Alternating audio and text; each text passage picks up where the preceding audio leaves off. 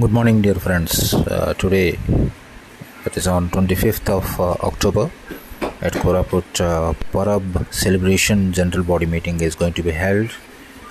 Uh, as 25 years have been passed since Parab's inception, so this meeting is uh, going to be held uh, for celebration of 25 years of Parab. Parab is the state level uh, tribal festival that is being organized at Koraput. So let's hope that uh, the members who are present in the meeting will uh, offer qualitative inputs so that uh, Parab would be celebrated in the right spirit and the right manner. See you again after the meeting is over uh, with lots of inputs and lots of hopes.